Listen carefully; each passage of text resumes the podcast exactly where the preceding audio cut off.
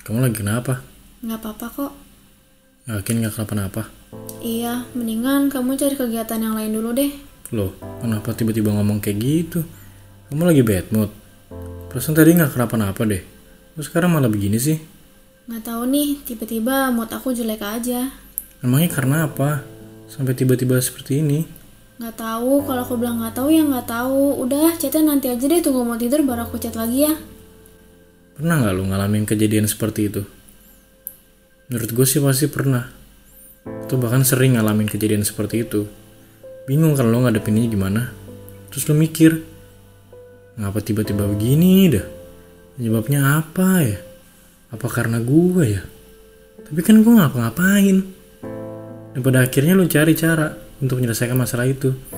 Dan lo memutuskan untuk chat cewek lo lagi. Kamu masih bad mood? Nggak, Seriusan udah enggak? Terus kamu lagi ngapain sekarang? nggak lagi ngapa-ngapain.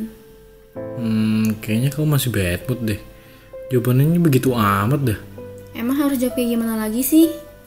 Yang Ya, nggak gimana-gimana sih, cuman lebih jutek aja yang sekarang. Loh, emang aku jutek kan?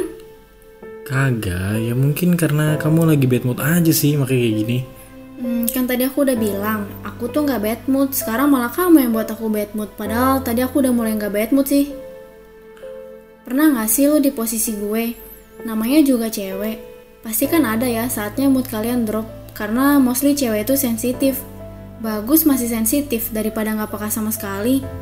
Tapi gue sebagai cewek juga bingung sih gimana jelasinnya. Intinya mood swing itu ada plus dan minusnya. Nggak usah gue jelasin secara detail lah ya.